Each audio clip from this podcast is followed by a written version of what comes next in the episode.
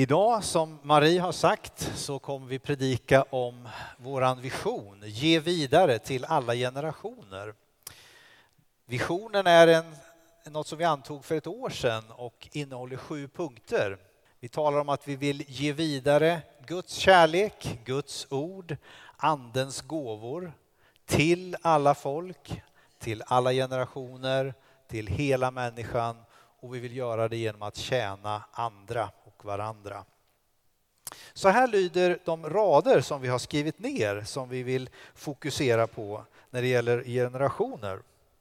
Du kan följa den texten där jag läser den också. Vi vill vara en församling där människor från alla generationer ska finna en plats, lära känna Jesus och tränas i lärjungaskap. Vi vill vara en församling där alla är inbjudna att vara med och bidra till församlingens växt och fördjupning på olika sätt och med olika uttrycksformer. Jag ska strax predika, men innan så ska jag faktiskt ta fram två personer. Lennart Palmgren och Ida Eriksson.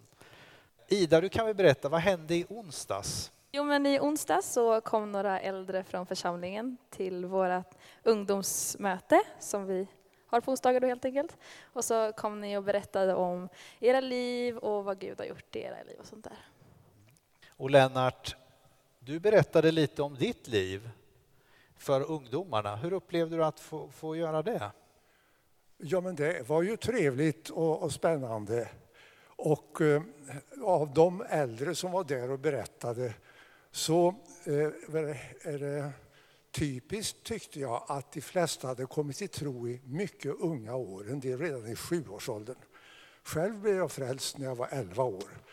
Men så hade jag en, en svår kris, andlig kris i 18-årsåldern under studietiden när man ifrågasatte Guds existens på religionstimmarna. Det var på Hedenius tid och det var en kolossal press på oss som var kristna. Och min tro höll inte. Jag var avfälling, ateist i ett par, tre år. Men genom Guds nåd och en bok som jag fick läsa i så fick jag komma tillbaka och där har jag varit nu resten av mitt liv. Tack och lov.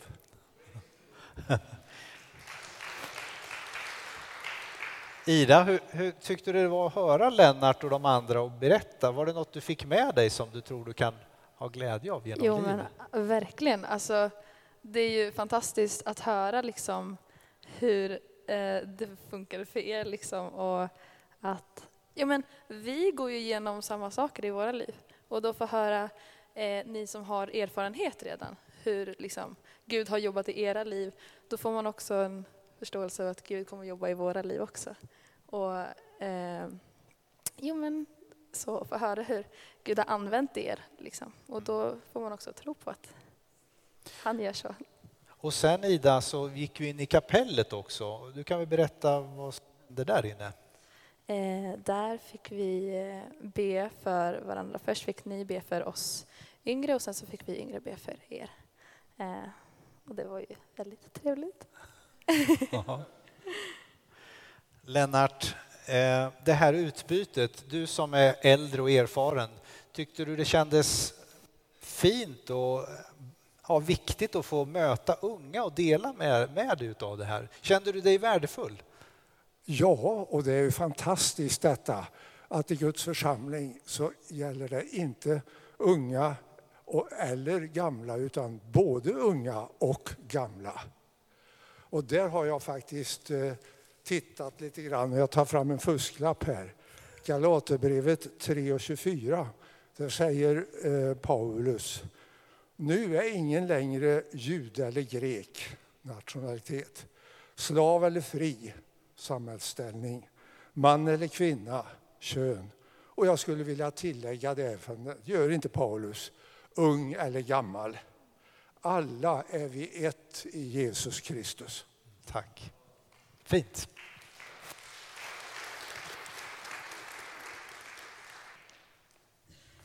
Det här blir en jättebra introduktion till vad den här förkunnelsen och predikan kommer att handla om. Och det som vi har hört nu tycker jag finns stöd för i Bibeln och den text jag har valt att predika utifrån det är hämtat ifrån andra Timoteusbrevet kapitel 1, vers 1 till 5. Kommer också komma upp på skärmarna här och jag läser den. Från Paulus genom Guds vilja, Kristi Jesu apostel, sänd att förkunna löftet om liv i Kristus Jesus. Till Timoteus, mitt älskade barn. Nåd, barmhärtighet och frid från Gud Fadern och Kristus Jesus, vår Herre. Jag tackar Gud som jag, liksom mina förfäder, tjänar med rent samvete. Ständigt, natt och dag, tänker jag på dig i mina böner. När jag minns dina tårar längtar jag efter att få se dig igen för att bli uppfylld av glädje. Jag tänker på den uppriktiga tro som finns hos dig, den tro som först fanns hos din mormor Louise och din mor Evnike och som nu, det är jag övertygad om, också finns hos dig. Vi ska titta lite närmare på den här text, texterna och titta lite grann vad Paulus säger i några punkter. Det första som han säger i vers 2. Till Timoteus, mitt älskade barn. Andra Timoteusbrevet, det är det sista brevet som Paulus skriver. Han sitter i fängelse i Rom och så skriver han till pastorn i Efesos som numera heter Timoteus. Han mötte Timoteus när han var på sin första missionsresa, Paulus. Han kom till Turkiet och den inre centrala delarna där så fanns en ung man som hette Timoteus. Och ganska tidigt fick de en relation och Paulus frågade, ska inte du följa med mig ut på resorna här? Och det blev så. Och eh, då var han mycket ung och nu när han skriver sitt brev så har det gått några år och nu så använder han den här frasen, mitt älskade barn. Det är ju ganska stora ord att säga så. Han skulle ju kunna skriva till Timoteus, käre kollega och medkämpe i Kristus. Eller min adept, min lärling, du som har följt mig. Men han väljer att skriva mitt älskade barn. Och tänk dig då att Timoteus får det här brevet och så läser han Paulus, han ser mig som sin far. Det måste verkligen ha, vi förstår att det har uppstått starka band mellan den äldre Paulus och den yngre Timoteus. De hade alltså en far och sonrelation med varandra. Och de gör det, lever tillsammans när den äldre skriver till den yngre med stor kärlek.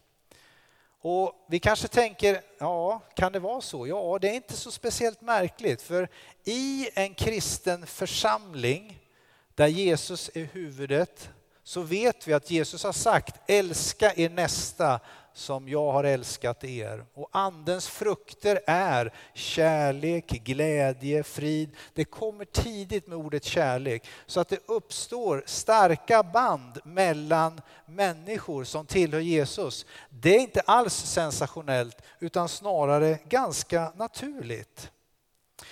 Därför skulle man kunna säga att det här är ett exempel på det som vi ibland brukar säga andliga mödrar och fäder. Det finns i en församling som kristna andliga mödrar, andliga fäder mellan de äldre och de yngre. Och det är en resurs, det är en enormt fantastisk tillgång som vi har som församling att vi får samlas i olika generationer och få betyda någonting för varandra. Och en sån här relation som skapades då tidigt mellan Paulus och Timoteus, den följde ju Timoteus hela livet. Och jag skulle vilja påstå att den relationen de fick där blev ju avgörande för honom. Han hade någonting att luta sig mot. Och det är också så, den som har en andlig far och en andlig mor som följer känner att den får en trygghet och en styrka i hela sitt liv. Så att Paulus skriver mitt älskade barn, det har verkligen någonting viktigt att säga. Och speciellt när vi går vidare till att titta på vers 3 där det står så här. Ständigt, natt och dag tänker jag på dig i mina böner. Paulus är en förebedjare. Han beder för Timoteus. Han tänker på honom, han följer honom, ja han till och med vakar över honom. Tänk vad stärkande det här måste vara också för Timoteus att få läsa de här raderna. Jag har aldrig varit med om någonsin än att när jag har sagt till en person, du, jag, jag ska be för dig. Då har jag aldrig fått höra tillbaka, nej det vill jag inte. Nej, det, det behöver du inte göra. Utan alla har sagt, åh, vad härligt. Det var jag glad över att höra. Alla blir positivt bemötta. Och när någon säger till mig, Anders, jag ber för dig, så känner jag, åh vad härligt, vad fantastiskt att få höra. Och det händer till och med att någon kommer fram och säger till mig så här, Anders, när jag bad för dig så kändes det speciellt. Är det någonting du går och bär på just nu? Och det stämmer. Då känner jag, oj, nu är Gud verkligen med här. Här har jag gått och brottats med någonting. Sen finns det en som jag vet är min förebedjare som också känner det och kan förmedla det till mig och säga, är det någonting? Då förstår jag att det här är verkligen någonting som jag känner kan vara tungt att bära, men som också blir en väldig styrka när jag får höra att någon annan har känt det på sig utifrån Gud. Det här tror jag att generationsförsamlingen har väldigt mycket att bidra och ge till varandra. Man kan ju vara förebedjare i samma ålder, självklart kan man vara det. Men just det här få, få in den här erfarenheten och, och långsiktigheten, den är ju fantastisk som man kan få ta tillvara på. Och därför skulle jag vilja bara skicka med och få, få dig att tänka till lite. Skulle, skulle du vilja ha en förebedjare? Har du en förebedjare? Skulle du samtidigt som någon ber för dig, skulle du kunna tänka dig att vara en förebedjare? Att känna att ja, men jag tycker det är en viktig uppgift att få be för någon annan. Jag är säker på att det finns många, kanske alla, som vill ha en förebedjare och jag tror också att alla kan vara en förebedjare. Och det finns särskilt många tror jag som har en kallelse i det här som utan större svårigheter kan lägga till ett namn extra på sin bönelista som man kanske ber för varje morgon. Och där skulle du och jag kunna finnas med. Jag har tänkt mycket på det Lasse Johansson som är studentpastor på universitetet nu. Han berättade att när Margit Karlsson, Håkan Ellehammers mamma, Håkan som sitter i rullstolen här, Margit och Kurt var Lasses förebedjare under många, många år. Och på begravningen, på minnesstunden, så berättar Lasse om vad hon har fått betyda för honom.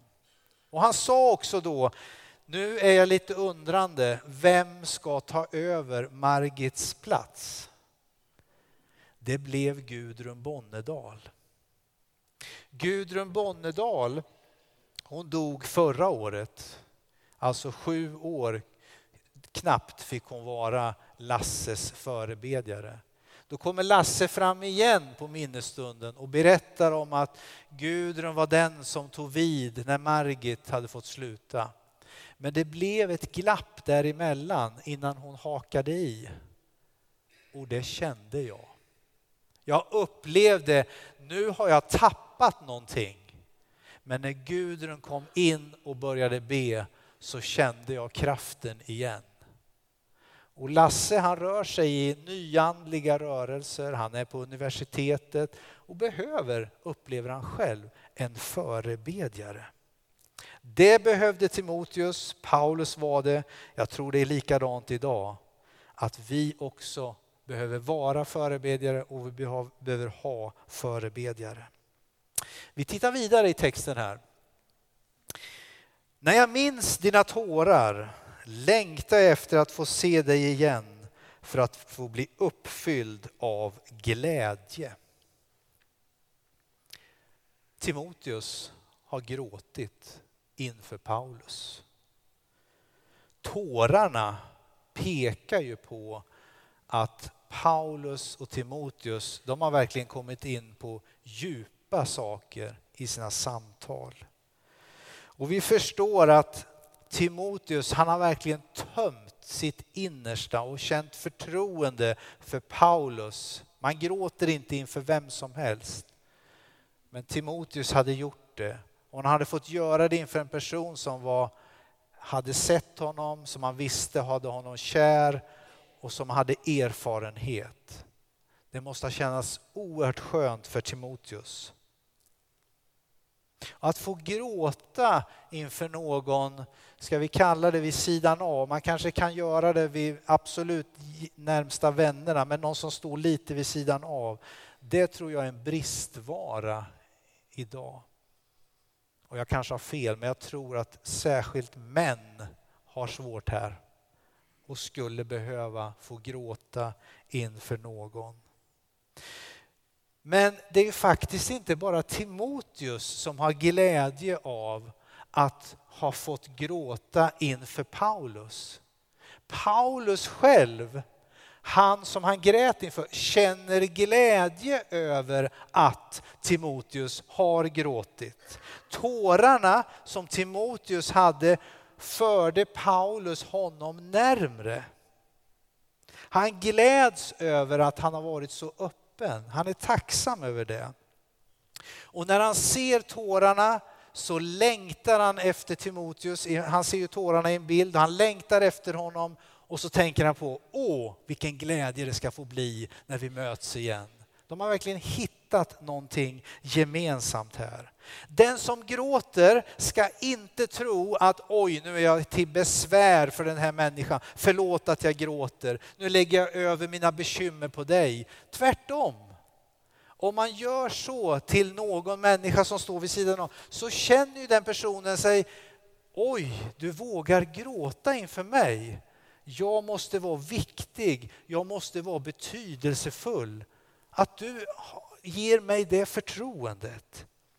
Det är verkligen inte så att bara de yngre behöver de äldre, utan de äldre behöver de yngre. Förstår vad Paulus, nu går han där i sin fängelsecell, några kvadratmeter. Vad ska han hitta på? Jo, han passar på och ber. Och han ser framför sig denne Timoteus. Han vet att han behöver hans förböner och han känner glädje och tacksamhet över att han får stå i tjänst. Han tänker på det här. Det finns många äldre som inte kan komma till kyrkan idag, som kanske känner att de, de är som i ett litet fängelse eller i sin lägenhet. Man har svårt att ta sig ut. Men de är beredda att be. Och jag tror att de kan få utföra tjänster där som betyder mycket. Och finns det någon här i församlingen eller någon annan som man verkligen har sett tårarna så kan man som äldre och kan tycka att nu är det ingen idé, jag har inget liv kvar, vad ska jag leva längre för? Men är man en förebedjare så känner man, jag är kvar i matchen, jag är med, jag ber och lägger eh, någonting för en annan person. Jag tänker vara med i striden ett tag till. Så att vara förebedjare och att få förbön, det är ömsesidigt både för den yngre och för den äldre. Och så har vi den sista punkten här. Jag tänker på den uppriktiga tro som finns hos dig. Den tro som jag först fann hos din mormor Louise och din mor Evnike och som nu, det är jag övertygad om, också finns hos dig. Paulus är övertygad om att det finns en uppriktig tro hos, eh, hos Timoteus. Varför gör han det? Jo, han har sett det. Men det stora beviset, den stora garantin för att han är helt säker på det, det är för att han har sett att den tron som hans mor hade och mormor hade, den, den finns säkert där. Har han växt upp i en miljö och präglats av den här tron, då, då är det säkert genuint och äkta här. Så det finns någonting med banden och generationerna bakåt därför man får växa upp i ett sammanhang där äldre finns.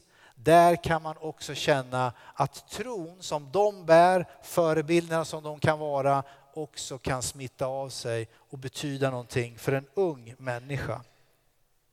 När jag var i tonåren så gick jag på stan tillsammans med en kompis. Han var inte kristen, jag tillhörde en församling här i stan och kom och gick på Köpmangatan. Eller vi gick där. Och så kom det en äldre man som sa Hej Anders! Hej, hej, sa jag. Och så gick jag vidare. Och sen kom jag upp på Vågustorget. Där kom det ett par. Eh, när man är i tonåren har man väldigt svårt att bedöma om man är 40 eller 70 år. Men jag tror att det var ett äldre par som kom där. Och de ville prata med mig. Och eh, vi, vi stod och pratade en stund och min kompis stod bredvid och ja, hängde på liksom. Sen gick vi upp och så dröjde det inte länge förrän på Drottninggatan så var det en äldre kvinna, en dam, som sa Hej Anders. Då bara stoppade han mig så. Vad många gamla du känner. Har aldrig tänkt på förut. Ja, ja, ja men nu har först där och så berättar han om de här händelserna. Ja, du har ju rätt faktiskt. Jag känner ingen gammal, sa han. Den enda gamla jag känner det är min mormor. Då gick det upp för mig, jag är ju rik. Jag har relationer på ett fantastiskt sätt med människor som andra av, inte alls kommer i kontakt med eller i relation med. Församlingen har ju gett mig så fantastiskt mycket kontakter och relationer. Vår ordförande Henrik Enell har, säger ibland, jag tror det är du som har myntat det här uttrycket, men du säger i alla fall det här och det är jättebra. Bredden är vår spets. Vad är Philadelphia? Bredden är vår spets. Och en tidigare ordförande, Lars Augustsson, han brukar säga så här. Vi ska vara en församling som är från vaggan till graven.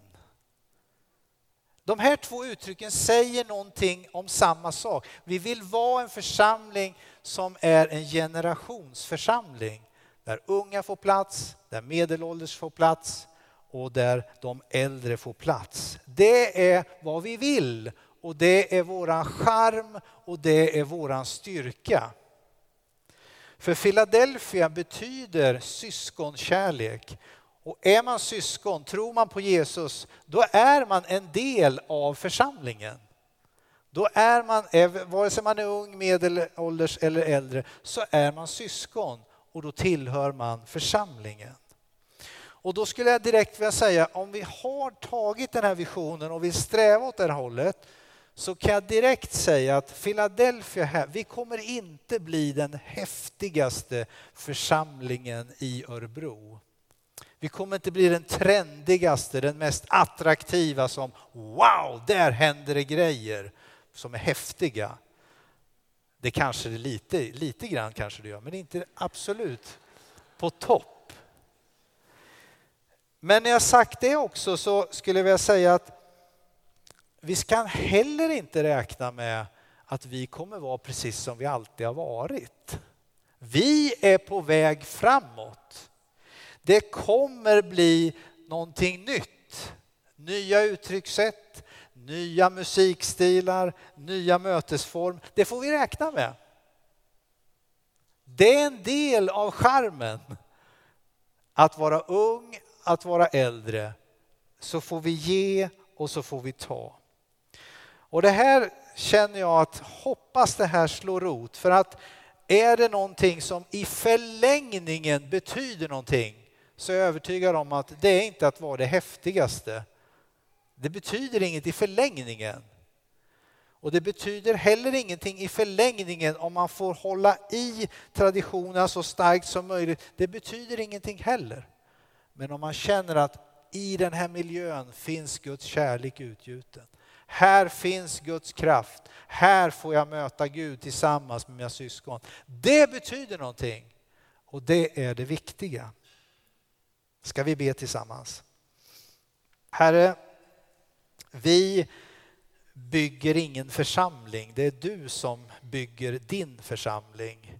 Du är huvudet Jesus, du leder oss, vi är din kropp.